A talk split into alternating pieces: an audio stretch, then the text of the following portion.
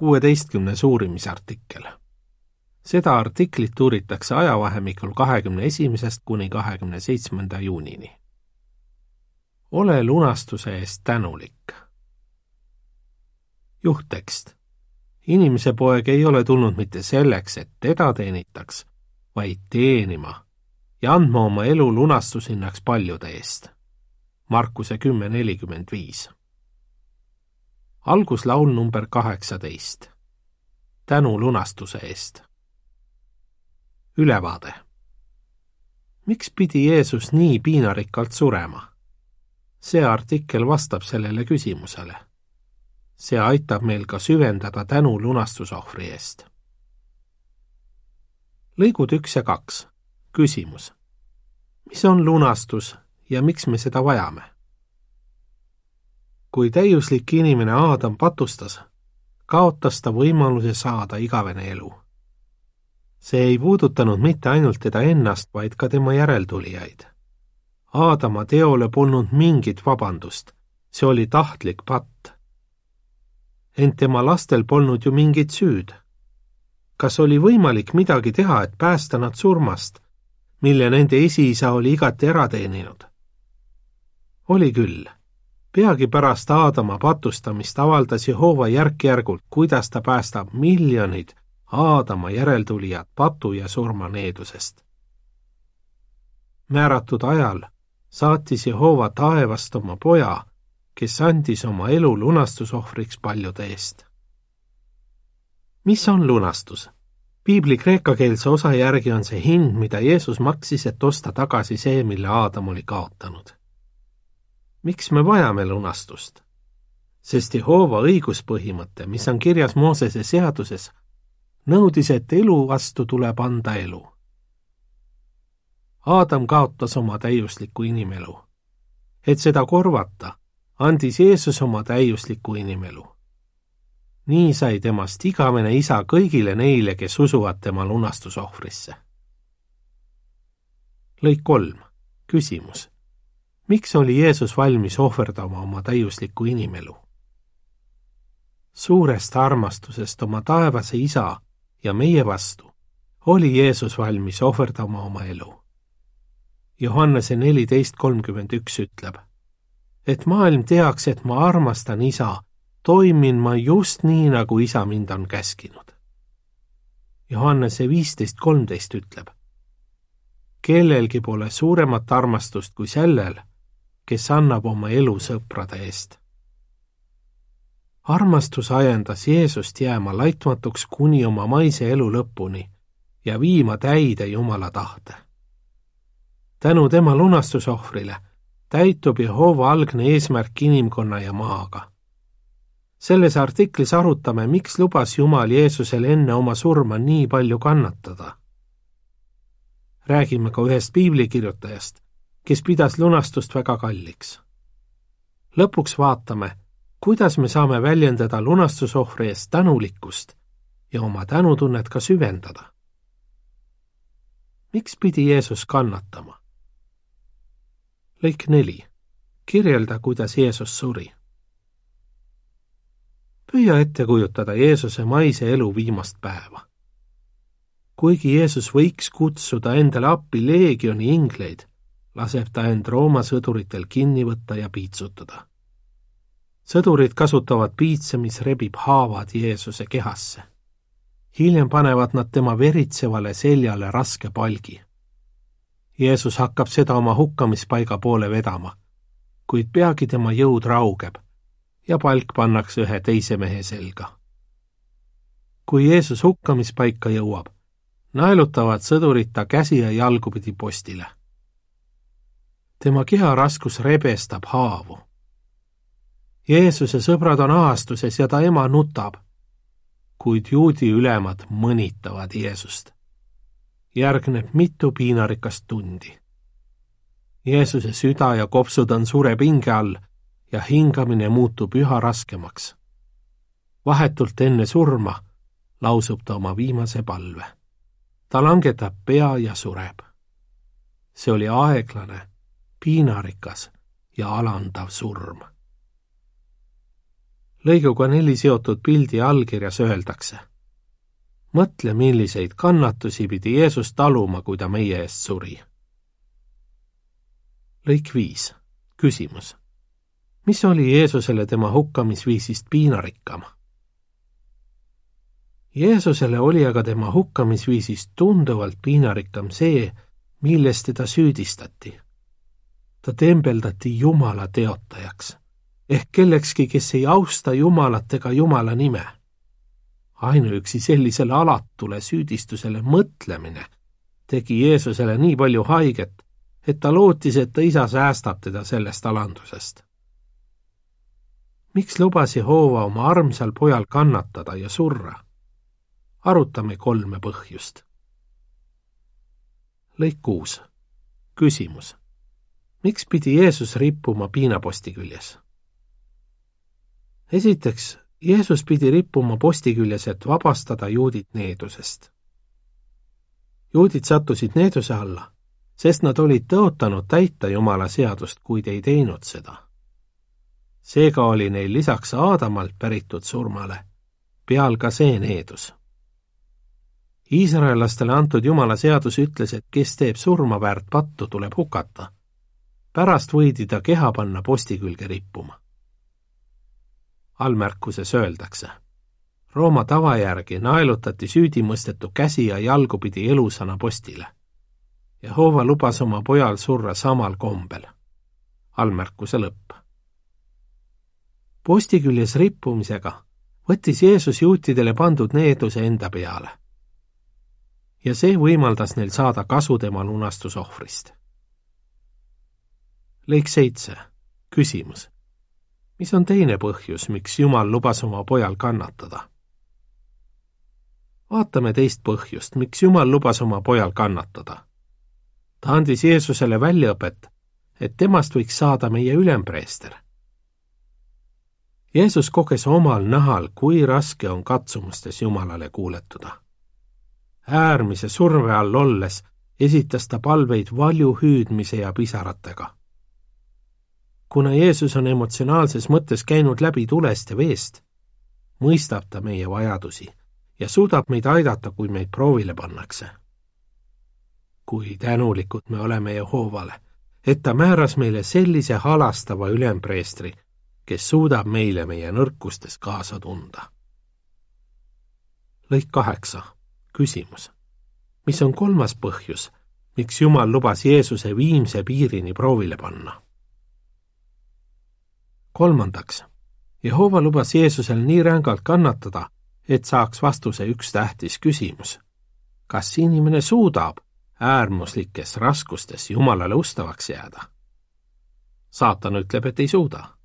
ta väidab, et inimesed teenivad Jumalat isekatel eesmärkidel ja ta usub, et nii nagu inimeste esiisa Aadam, ei teeni ka teised Jehovat armastusest tema vastu. Kuna Jehova oli kindel oma poja ustavuses, lubas ta teda kuni viimse piirini proovile panna. Jeesus jäi laitmatuks ja tõestas, et saatan on valetaja. Johannes pidas lunastust väga kalliks. lõik üheksa, küsimus millise eeskuju Apostel Johannes meile jättis? Paljud kristlased on kogenud vastupanu ja neil on olnud igasuguseid katsumusi. sellest hoolimata on nad jätkanud kuulutamist. Nad on kõrge eani vastu pidanud, sest tänu lunastusõpetusele on nende usk tugev. mõtleme näiteks Apostel Johannesele.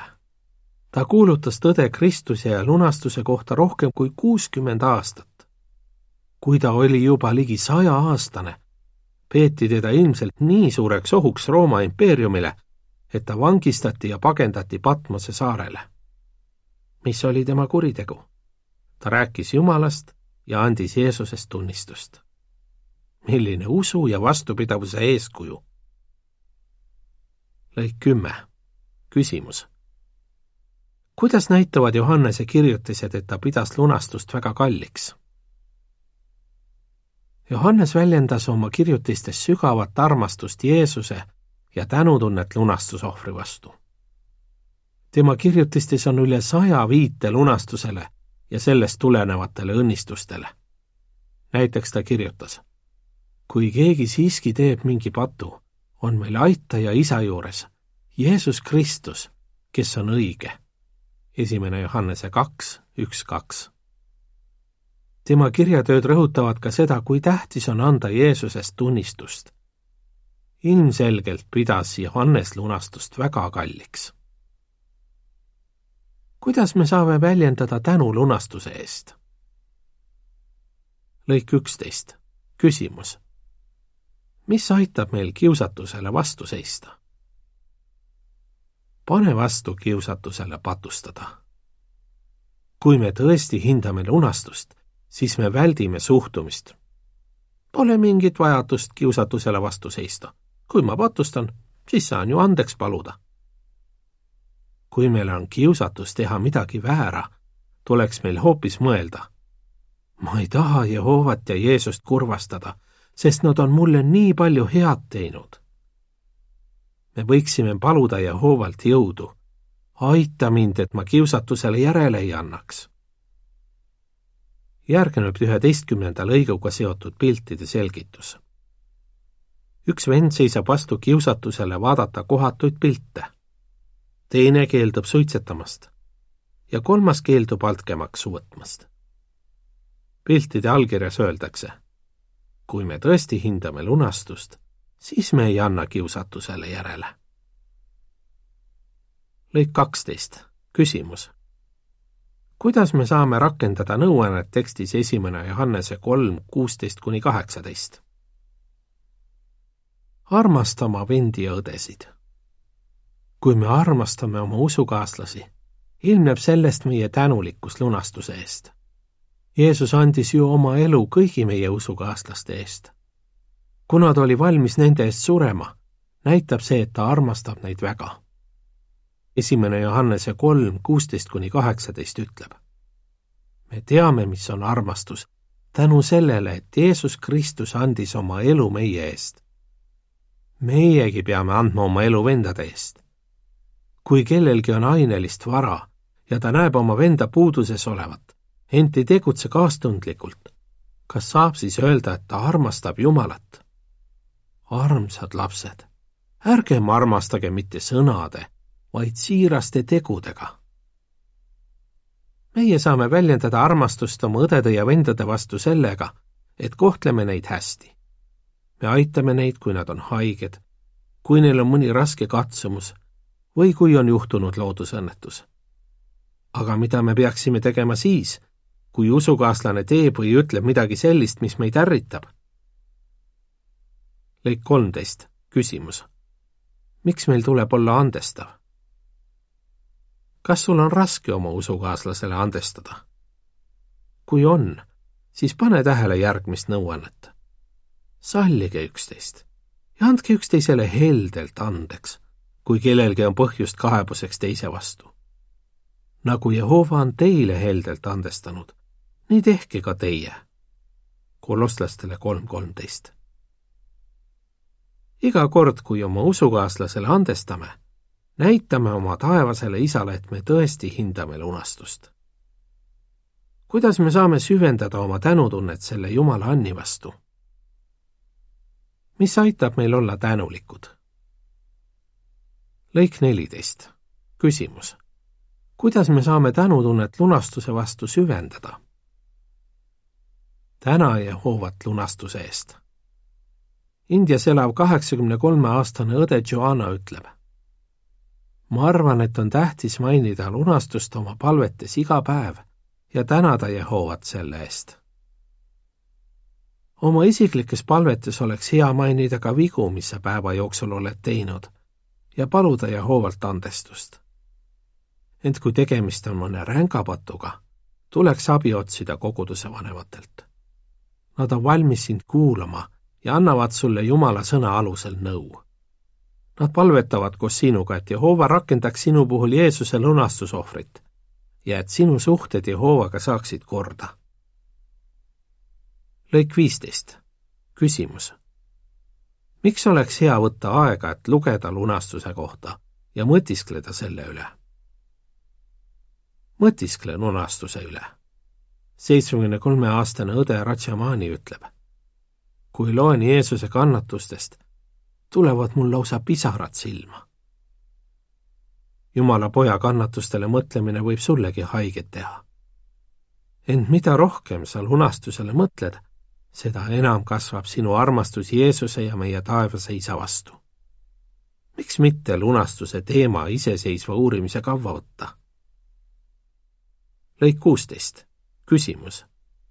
kuidas tuleb meile endile kasuks, kui aitame teistel lunastusest aru saada? Aita teistel lunastusest aru saada.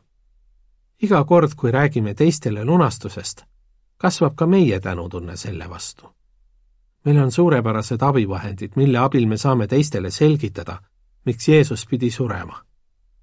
näiteks me saame kasutada brošüürist Hea sõnum Jumalalt neljandat õppetundi pealkirjaga Kes on Jeesus Kristus? või saame kasutada raamatust Mida piibel õpetab viiendat peatükki pealkirjaga Lunastus, Jumala suurim heategu. ja igal aastal saame kasvatada oma tänutunnet lunastuse vastu kui viibime Jeesuse surma mälestusõhtul ja kutsume sinna ka teisi. on suur au, et võime rääkida teistele Jumala pojast. lõik seitseteist, küsimus. miks on lunastus Jumala suurim and inimkonnale? Meil on tõesti igati põhjust olla tänulik lunastusohvri eest. tänu lunastusele on meil lähedased suhted Jehoovaga, kuigi oleme ebatäiuslikud tänu lunastusele tehakse lõpp kuradi tegudele. tänu lunastusele teostub Jehova algne eesmärk maaga, nii et sellest saab paradiis. siis armastavad kõik inimesed Jehovat ja teenivad teda. püüdkem siis iga päev väljendada oma tänulikkust lunastuse eest, mis on Jumala suurim and inimkonnale. kuidas sa vastaksid? mis on lunastus? miks pidi Jeesus nii piinarikkalt kannatama ja surema? kuidas me saame süvendada oma tänulikkust lunastuse eest? lõpulaul number kakskümmend. sa andsid poja kalli. artikli lõpp.